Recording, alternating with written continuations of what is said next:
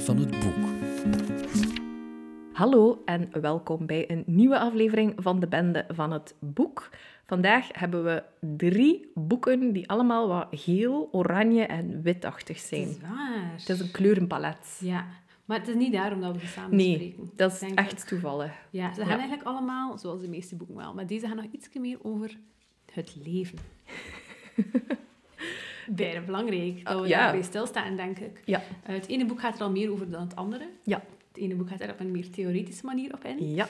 Ehm, en mijn boeken zijn wel meer van het theoretische soort vandaag. Ik heb twee boeken bij. Ik heb eh, Dit is Water van David Foster Wallace. En dat is eigenlijk een toespraak dat ze in een boekje gestoken. Oh, tof. Eh, ik geef al mee dat het perfect is om te lezen op het toilet. Meer daarover straks. Door het water, ja. Eh, wel, niet alleen daardoor. Oké. En ik heb ook eh Bitterzoet. eh, dat is een nieuwe boek van Susan Kane. ehm, dat we misschien kennen over haar boek eh Stil over introversie. Oké, ik heb één boek mee ehm, en dat is Besjes in het Bos van Margaret Atwood. Love Margaret. Oké. Ik zal misschien beginnen met mijn toiletboek. Oh, sorry, ah, David Foster Wallace. Ik moet nu een chance Ehm allee, geen chance dat hij er niet Ja. is, maar Ja. dat hij dit toch niet moet meemaken, dat Ja. ik wel zeg. Ehm, maar misschien eerst iets over David Foster Wallace. Want als ik zeg makkelijk boekje om te lezen op het toilet, denk je niet aan de persoon die een van de meest... Allee, een heel, heel bekend boek, maar ook een vrij onleesbaar boek heeft geschreven, namelijk Infinite Jest. Dat is ehm zou een van de beste Engelstalige romans zijn van de voorbije eeuw. Maar het is ook zo'n boek dat bijna niemand leest. Ah ja. Het is zo'n beetje like het verdriet van België, maar dan van Amerika. Ah ja. Ehm, maar anyway, David Foster Wallace is geboren in 62 en die heeft in 2008 heeft hij zelfmoord gepleegd. Ehm, die heeft altijd, eh, die was altijd een beetje aan het worstelen met depressie, heel vaak, heel lang. Ehm, en toch, en net daarom vind ik het zo'n mooi boek, want eigenlijk Dit is Water staat eronder enkele gedachten over meevoelend leven, uitgesproken bij een bijzondere gelegenheid. Ik vind net omdat je zo worstelt met leven, kun je vaak wel heel zinnige dingen zeggen Ja. over het leven. En dat is bij David wel echt keert het geval. Ehm dat is een speech dat hij heeft ehm, uitgesproken, zo eh, in Amerika als student afstuderende aan de universiteit is er vaak een speciale spreker. hè. Dan komt zo Obama nog eens spreken voor een paar miljoen op je unief of zo. En ehm, David Foster Wallace heeft dat ook één keer gedaan. Dat was, ik zal even kijken eh, welke universiteit dat was. Kenyon College. Ja, die kon Obama niet betalen waarschijnlijk. Eh zie zelfs de Dalai Lama doet dat soms. Amai. Godverdomme. Ehm anyway, heeft op 21 mei 2005 heeft hij daar gespeecht. En dat is een, een van die belangrijkere, bekendere afstudeerspeeches geworden. En die is ook verspreid via het internet, dus je kunt die ook stukjes gaan bekijken op YouTube. Bijvoorbeeld. Maar nu is hij dus verschenen. Hij was in het Engels al uit. In België is hij, allee, in het Nederlandse taalgebied, is hij uitgegeven door Copernic. En het is ook een heel mooie cover. Het is een klein boekje en je ziet water in de vorm van een vis Ja. staan. Ik zal misschien de eerste twee pagina's voorlezen en dan weet je direct al van waar het titel komt. Oké. Ja, het is vertaald door Reintje Goos en Jan-Pieter van der Sterre. En het is zo... ehm, het is altijd een heel kort stukje tekst per pagina. En daarom vond ik het zo ideaal om te lezen op het toilet. Ah. Omdat het is zo niet dat je zo denkt van, ik ga beginnen lezen, dan moet ik zo tot aan de volgende wetregel gaan of zo. Want op sommige pagina's staat Ah, er ja. zelfs maar één, Ja. één zin. Wat dan nice is. Dus het begint als volgt. Twee jonge vissen zijn rustig aan het zwemmen als ze een oudere vis tegenkomen, die de andere kant opzwemt. Dat vind ik al hilarisch. Allee, het idee dat zo like, vissen als een soort van door de straten flaneren. De oudere vis vraagt met een knikje. Mogen jongens, lekker water? De twee jonge vissen zwemmen nog een stukje verder, maar dan kijkt de een de ander aan en vraagt... Wat is in godsnaam water? Cool. Want die zijn zo gewoon Ja. en dat zwemmen, dat ze zoiets hebben van... Water? Wat zegt die nou de kerel hier nu? Zo'n speech gaat heel vaak over het belang van zo een, een hogere opleiding voor niet alleen je jobkansen, dat doet er allemaal niet zoveel toe, maar over hoe dat je in het leven staat. En daarin gaat hij hier heel hard op in van wat betekent dat nu, dat je, dat je, dat je hebt gestudeerd, dat je hebt stilgestaan bij het leven, dat je misschien wat filosofie hebt gehad, wat kunst hebt gehad. Hoe ga je daar de rest van je leven like, profijt van hem? Daarover gaat het. Het feit dat je kunt gaan nadenken over wat is dat water nu eigenlijk? Waar dat zit heel tijd over hem, waarvan dat wij niet weten dat er is. Ja. Dat vind ik wel heel mooi. Het duurt even totdat hij er zo toe komt. Hè? Want, allee, even. Totaal, het is een boek dat je echt in een, in een half uurtje of zo uitleest, of Ja. een uurtje of zo. Ehm, ah, kijk, op een bepaald moment zegt hij dan... Laten we eens kijken naar het hardne- hardnekkigste cliché in afstudeerspeeches, namelijk dat een opleiding aan een liberal arts college niet zozeer de bedoeling heeft je vol te gieten met kennis, maar, ik citeer, je te leren denken. Want dat, Ik vind dat hilarisch, want je gaat daar zo wat in op dat cliché van leren denken. Ja, dat is like gewoon al de, de baseline van de UGent, je durft denken. Dus van, wat betekent dat nu eigenlijk, dat je leert denken, of dat je durft denken?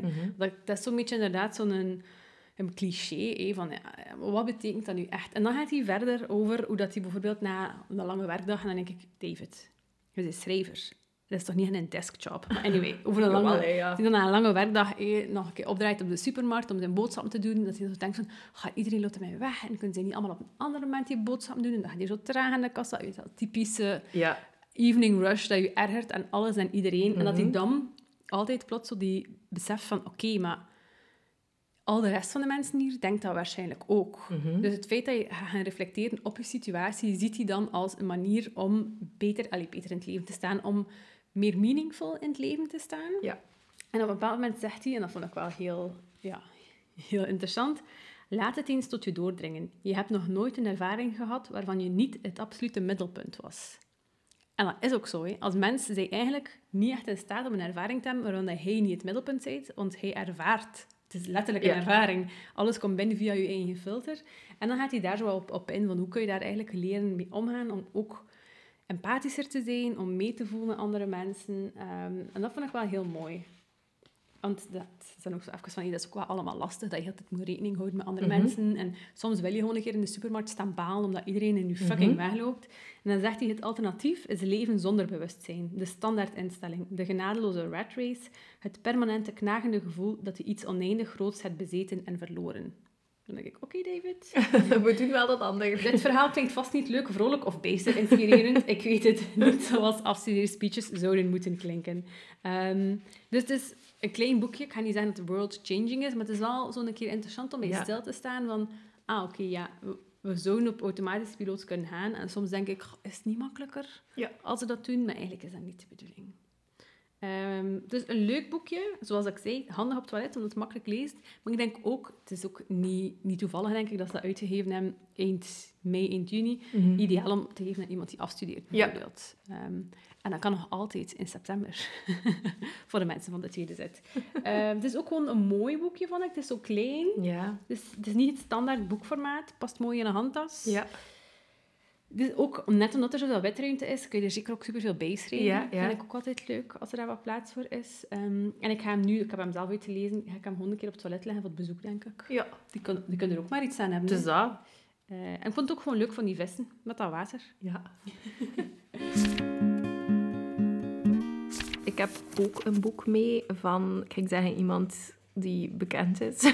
Een, ja, toch grootheid in de Amerikaanse Ja, literatuur. bedankt voor die woorden.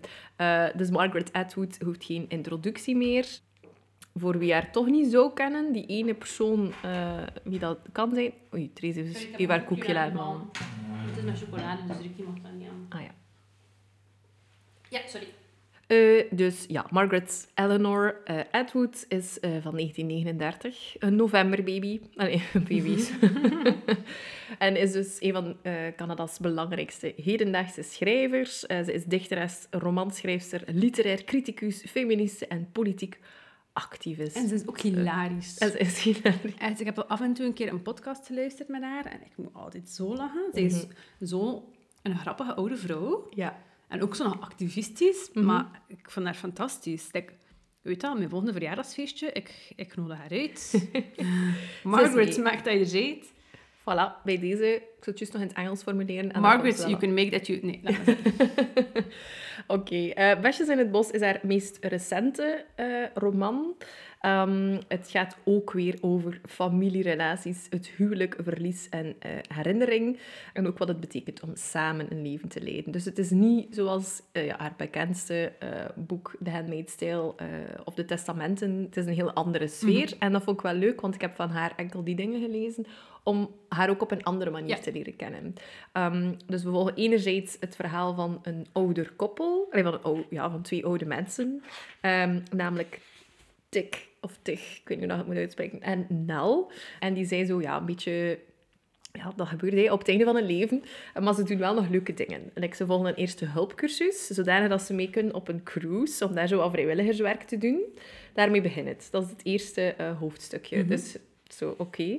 Ehm, maar na elk hoofdstukje dat gaat over Tik en Nel, komt er een ander hoofdstuk over iemand helemaal anders. De ene keer gaat dat bijvoorbeeld over een dochter die denkt dat haar moeder een heks is. Dus het is telkens het verhaal van Tig en Nel opgebroken door iets helemaal anders. Ook een andere stijl. Ehm, het, soms denk je, ah, zou het een verwijzing zijn naar dat uit Ja. Maar ik denk het eigenlijk niet. Het is Voor like bijna een kort verhaal verzamelen. Ja, eigenlijk wel. Behalve dus Tig en Ja. Nel, dat is wel iets dat op elkaar volgt. Ehm, maar ook fragmentarisch. Het is niet dat zo... Daar stopt het en dan twee hoofdstukken verder gaat het eh, verder. Dus het is meer sferisch. Eh, het gaat dus meer over dat ouder worden, over familie. ehm, wat je daar allemaal eh Ik ja, weet dat voelt. haar man een paar jaar geleden ook is overleden. Ja. Ze waren ook heel lang samen. Ja. Eh, dus misschien dat daar ook zo nog Het zou te maken zeker kunnen. hè. zou Ja. zeker kunnen, ja. Dus het gaat zo'n beetje over samen inderdaad, langzaam zijn, de reis door het leven, eh, grote en kleine momentjes. Eh, ze hadden, het leek me echt ook een zalig koppel, Tig en Nel. Ja, en ze... Allee, nee, ik had het niet even over Margaret zelf, ik mag die niet door elkaar halen. hè. Maar zij woont ook... In haar huis was vroeger... Was er daar een commune. Oké. Mega grappig. Ik had dat gehoord in een podcast met haar. En dat was echt ook zo'n beetje een wacko... Maar zo niet het... het, het Mensen sterven in de commune, seksueel misbruik, soort dingen. Eigenlijk een, een redelijk gezonde Ja, commune. die staat ook. Maar toch gek dat like, haar huis dan... Dat is, like, zo, die hebben het dan overgekocht, maar dat was dan ook zo'n hele chaos en, en raar. Ja, dus, een- eh, het huis van een commune is anders ingericht dan een gewoon Waarschijnlijk wel. Ja, die Ja, andere is, kamers daar hebben. hilarisch over vertellen. Oké, voilà. Dan eh, moet je zowel podcasts met Margaret eh, beluisteren als dit boek lezen. Ehm, ja, ik denk niet dat ik er eigenlijk veel meer kan over vertellen. Hoe is de Eh, stijl? De stijl is zoals Margaret, super vlot ook. Allee, vrij op het gemak gelijk. Of ik weet niet hoe dat ik dat like, goed moet omschrijven. Ehm, dat is iets dat je ook super snel uitleest. Het is eh, zeker ook omdat die hoofdstukken elkaar zo snel afwisselen. Het is 252 pagina's, allee, zonder het dankwoord. Ehm, dus in het boek sterft ook dan de man van het ouderkoppel. Ehm en eigenlijk ontdekt dan de vrouw, dus Nel, die vindt zo nog eh, wat documenten terug van hem. Ook zo'n briefje waar dat ze dan mee eh, verder eh, in het verleden duikt van haar man. En eigenlijk super ontroerd wordt door met wat dat hij allemaal bezig was. Want hij zat zoveel in zijn bureau. Dus, zo, dus een heel warm gevoel, liefdevol gevoel. Ehm, ja, zo'n beetje... Je wil gelijk mee in dat huis rondlopen en thee drinken met haar of zo. Eh, dus misschien moet je haar ook uitnodigen voor uw verjaardag. Ja. Voilà. Misschien is het ook een boek dat je, nog, dat je echt wel in de herfst kunt lezen. ja. Ik had vind sowieso Margaret Atwood... En de titel zo Besjes in het bos. ook al... Doe mij zo'n beetje... Ja. Ja, voilà. En dat is like, zo binnenvragen na zo'n een regenachtige wandeling. ja, dat je toch best hebt geplukt. Ja, en dan toch een tas thee geven of een warme chocomelk. ja. En zeggen, doe je frak af, Margaret. Doe je frak. Ze staat ook op de cover. Ja, het is very nice. Ja. Voilà. Dus eh, niet de zotste grote roman of zo, maar wel mooi om mee te Een nemen. gezellige boek. Een gezellig boek. Ach, een echt nice. gezellig boek. Cool. Alright, dan heb ik ehm, nog een, nog een non-fictieboek liggen. Eh, en het heet Bitterzoet, over de helende kracht van verdriet en verlangen. Dat klinkt vrij zweverig. Ik vond de Engelse titel eigenlijk beter. Ehm, ja, meestal. Mag ik je meegeven? Eh, ik ga het je meegeven. En de Engelse titel is How Sorrow and Longing Make Us Whole. Vond ik mooier. Ja. Ehm, dus ik had, al, ik had al een paar keer gehad over stijl. Eerder is dat boek over introversie. Maar eigenlijk is stijl ook vooral een boek over introvert zijn in een extraverte wereld. En dit boek gaat ook deels over melancholie in een wereld waarin dat we toxische positiviteit als de norm zijn gaan zien. Dus het gaat niet alleen over eh, die helende kracht van verdriet en verlangen, over kippenvel krijgen als je naar Taylor Swift luistert, terwijl dat zeker ook een onderdeel is ervan. Maar het gaat er ook over dat we like, in een wereld zijn waarin we soms like, constant moeten blij zijn over Ja. alles. Ja. Noot daarbij, het is een Amerikaanse, het is een Amerikaans boek. Ik denk dat dat daar waarschijnlijk nog iets Ja, dat is wel waar. Rise and Smile is Ja. Dan bij ons. Maar dat vind ik wel belangrijk om mee te geven. Het gaat niet alleen maar over melancholisch zijn, maar ook over de wereld waarin dat we dat zijn. Oké. Alright. Uh, misschien kort nog even over Susan Cain. Dat is een Amerikaanse schrijver en spreker. Zij was vroeger eigenlijk... Ze heeft als uh, advocaat op Wall Street gewerkt. Dus een bijna harde omgeving, waar ze like, altijd zo bam, bam, bam moest zeggen. En op een bepaald moment heeft ze dan beseft, fuck, dat past totaal niet bij mij. Is ze gaan schrijven. Dus heeft ze dan dat eerste boek geschreven, Stil. Heeft ze zeven jaar over gedaan. En nu is er dat tweede boek, uh, Bitterzoet. Het heet gewoon Bittersweet in het Engels. Handig, dan vraag ik me af. Dus Bitterzoet is iets moeilijks te vertalen denk ik, hoe heeft ze dat dan vertaald in taal waar het dan niet ja, dat dat woord niet bestaat. Ja, waar het dat woord niet bestaat. Vraag ik me af. En dan uh, nog verder, de ondertitel is An Exploration of the Power of a Bittersweet Melancholic Outlook on Life and Why Our Culture Has Been So Blind to Its Value.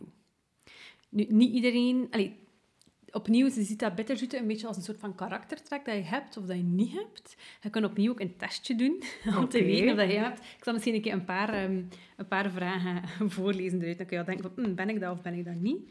Dat is natuurlijk redelijk in het begin van het boek. Ja. Ja, de eerste vraag vond ik van mij niet op toepassing, maar ik ken wel mensen die hebben. Ben je snel in tranen bij ontroerende tv-reclames? Word je in het bijzonder geraakt door oude foto's? Brengen muziek, kunst of de natuur een sterke reactie bij je teweeg? Hebben anderen je wel eens omschreven als een oude ziel? Maar bij mij dus dat per vaak.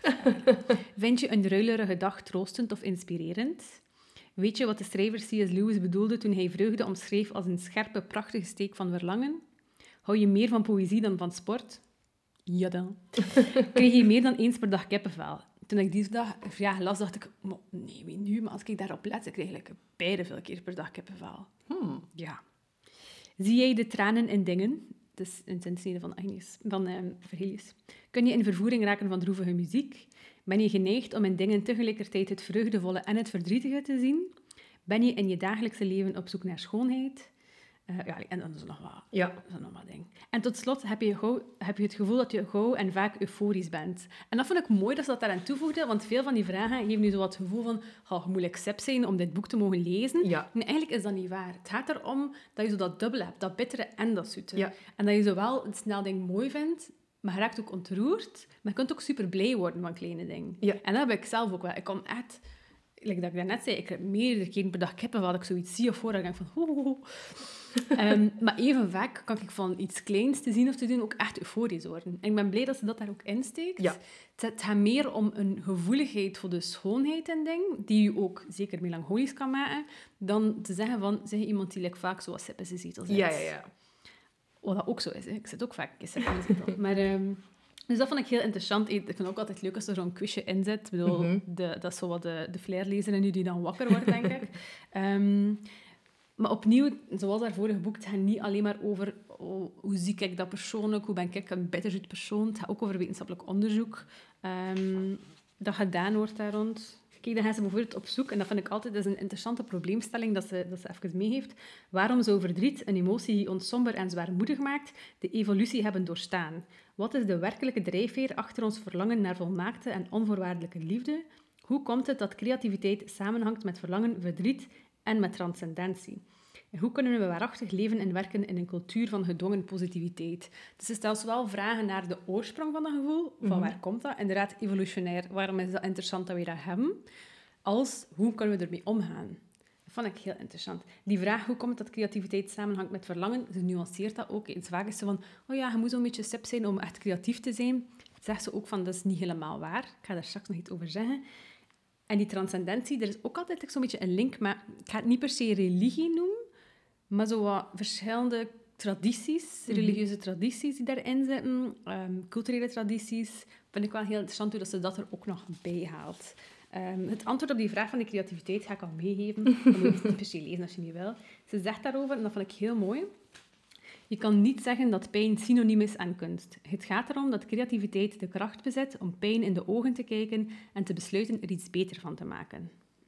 Dus blijkbaar uit voorlopige onderzoeken blijkt dat mensen die hoog scoren op de bitter-zoet-test vaak ook hoog scoren op een eigenschap, absorptie, waarvan andere onderzoeken hebben aangetoond dat ze een voorspeller is van creativiteit. Dus het feit dat je, dat je die gevoelens voelt, dat je zo dat dubbel hebt van dat bitter en dat zoete, gaat samen met heel hard geabsorbeerd te kunnen zijn door dingen vond ik wel leuk. Dus het is niet gewoon dat ze zegt van, ja, sip zijn is goed voor de creativiteit. Ja, je moet een getormenteerde Ja, kunstenaar inderdaad. zijn. Ja. Dat, dat, dat beeld van die getormenteerde kunstenaar Ja. spreekt ze ook echt tegen. Dat vind ik wel leuk, want ja. Ja. ik denk dat we het daar allemaal een beetje mee hadden met dat beeld.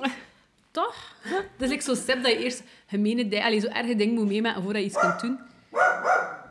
Ik denk dat eh, de afvalmensen zijn. Ah ja, Ik ga het even laten doen. Hè. het is dat.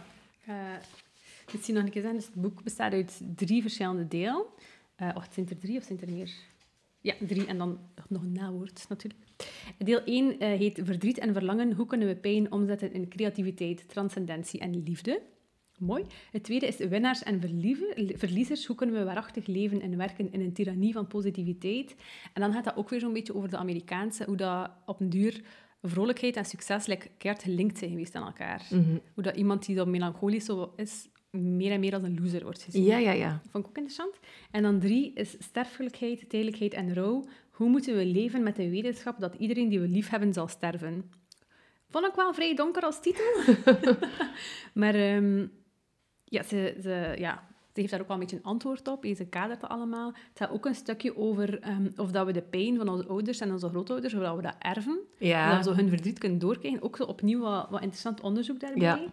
Ehm, dus het is echt zo een boek dat denk ik evenveel vragen stelt Mhm. ehm, als... Allee, niet even... Allee, nee. Het is een boek dat heel veel vragen stelt, ze niet per se allemaal beantwoordt, maar u wel de tools geeft om er zelf over na te denken. Ja. En dat vind ik wel heel leuk Ja. Ehm, het is opnieuw, het is super geschreven. Ze bemengt echt zo wetenschappelijk onderzoek met haar eigen ervaring, met mensen dat zij spreekt. Het is iets spiritueler dan haar vorige boek, maar ik denk dat de wereld de voorbije tien jaar ook wat spiritueler is Mhm, geworden.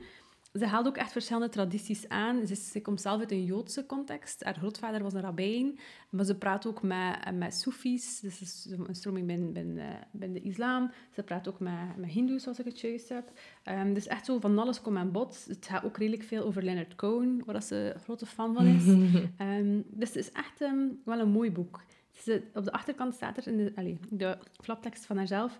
Dit boek biedt een hoopvolle uitweg in en na een tumultueuze tijd. Hmm. Het is ook echt een post-COVID-boek. Want Ze heeft zelf haar vader en haar broer verloren Amai. in COVID. Ja, dus dat is wel... Je vergeet dat like, een klein beetje. Ja, dat ja. Er, allee, Dat zo die mensen echt- cijfers, dat ja, er ja, ja. mensen echt gestorven zijn. Ehm, dus het is zo niet van... Ik ben een vrolijk persoon en ik schrijf een boek over melancholisch zijn. Het is echt zo van... Amai, sowieso heeft ze wel dat melancholieke een beetje, ehm, dat veel mensen hebben. En daarnaast is ze dan ook wel nog van alles meegemaakt de voorbije jaren. En daar schreef ze nu over. Dus ik vond het wel... ehm, ja, ik vond het mooi. En moet je zelf melancholisch zijn om er iets aan te Ik hebben? denk het wel. Ja. Ik, ben, ik herken mij daar wel echt Ja. in. Zo die dingen dat ze zegt, denk ik van, amai Susan, het is waar. Wanneer gaan wij koffie drinken? Ehm, op de flaptekst staat er ook een quote van Brene Brown. Dus ja, Brene zegt... Dit boek raakt je hart en laat je niet meer gaan. Sinds ik het gelezen heb, denk ik elke dag aan de diepte en pracht van Keynes' onderzoek en manier van vertellen. Het heeft me geholpen mezelf en hoe ik omga met mijn omgeving te begrijpen. Serieus, je Brene Brown nog iets helpen. bijleren Ja. over hoe dat ze met zichzelf en haar omgeving moet omgaan, dan denk ik, ja, you go girl. Ehm, dus ja, nee, ik vond het heel mooi. Als je iets herkende in de quizvraagjes Ja. van daarnet, dan, dan denk ik, ja, ik zou het wel een keer lezen. Het leest Ja. super vlot. het is ook helemaal niet zo dik. Ik denk, eh, zo 250 pagina's, 280. Maar ja, eh, maar af en toe dan nog een keer een prentje En een zo. quizje. En een dat is ook al bladruimte. Dus dat gaat, dan- zo gaat het snel. Nee, ik vond het heel mooi. Ehm, En dan ja, achterin, want het is wel nog altijd een semi-populariserend wetenschappelijk. Er staan ook wel echt heel veel verwijzingen naar ander onderzoek in. En al. Ah, ja. Dus dan moest je zoiets hebben van, super interessant, ik wil daar meer over weten. Het staat er echt Ja. allemaal in. Dus bij erbij, Susan is geen kwakzalver. Ehm, dus dat vond ik ook een heel leuk boek. Over het leven. Voilà. Het, het, het kan. Leuke boeken over het Ja, leven. ze bestaan. Dan zijn we er al door. Misschien moet je inderdaad nog een keer de titels herhalen. Ja. Herhalen. Herhalen. Herhalen. Eh, ik had eh, Dit is Water van David Foster Wallace en Bitterzoet van Susan Kane. En ik had Besjes in het bos van Margaret Atwood. Voilà. Ehm, ik ben nu eigenlijk nog een boek aan het lezen dat er ook bij zou passen, maar het is nog niet uit. Dus Ah ik wil het niet meenemen. nee. En dat is Enchantment van Catherine May. En Catherine May kennen we nog Ja. van Winteren. Wintering Ja, zij een ja, paar ja, jaar ja. geleden geschreven. Ehm, dat was ook echt zo... Ja, eigenlijk ook zo'n beetje een boek over hoe dat je omgaat met zo de donkere kant van het jaar en Mhm. de donkere kant van het leven. Heel mooi. En nu Enchantment gaat over hoe dat we zo allemaal een beetje de verloren zijn, hoe dat we kunnen omgaan met zo, like de, ach, ik ga nu niet zeggen de magie van het leven, klinkt zo wat te stom, maar dat was veel minder verwonderen over alles. En ik denk dat de ondertitel iets is van Reawakening Wonder of zo Ah, in- ja. in de moderne wereld. Dus ik zit nog niet super ver, maar het is een beetje in dezelfde stijl geschreven. Ook heel hard vertrekken vanuit wat dat zij voelt, wat dat ze ziet. En met dan een beetje, ja, hoe dat ze zelf ook leest daarover en zo. Eh, ik kan er nog niet veel over zeggen, maar het komt waarschijnlijk. Het komt nog. Oké, ehm, dat waren maar drie boeken. Meest, meestal hebben we er meer, maar kijk, het mag ook een keer kort en krachtig zijn. Maar als je eh, nog meer van ons wil, dan kan je jou ook abonneren op onze maandelijkse nieuwsbrief. En dat kan gewoon op onze website bendevanhetboek.com. Alright, tot de volgende keer. Dag.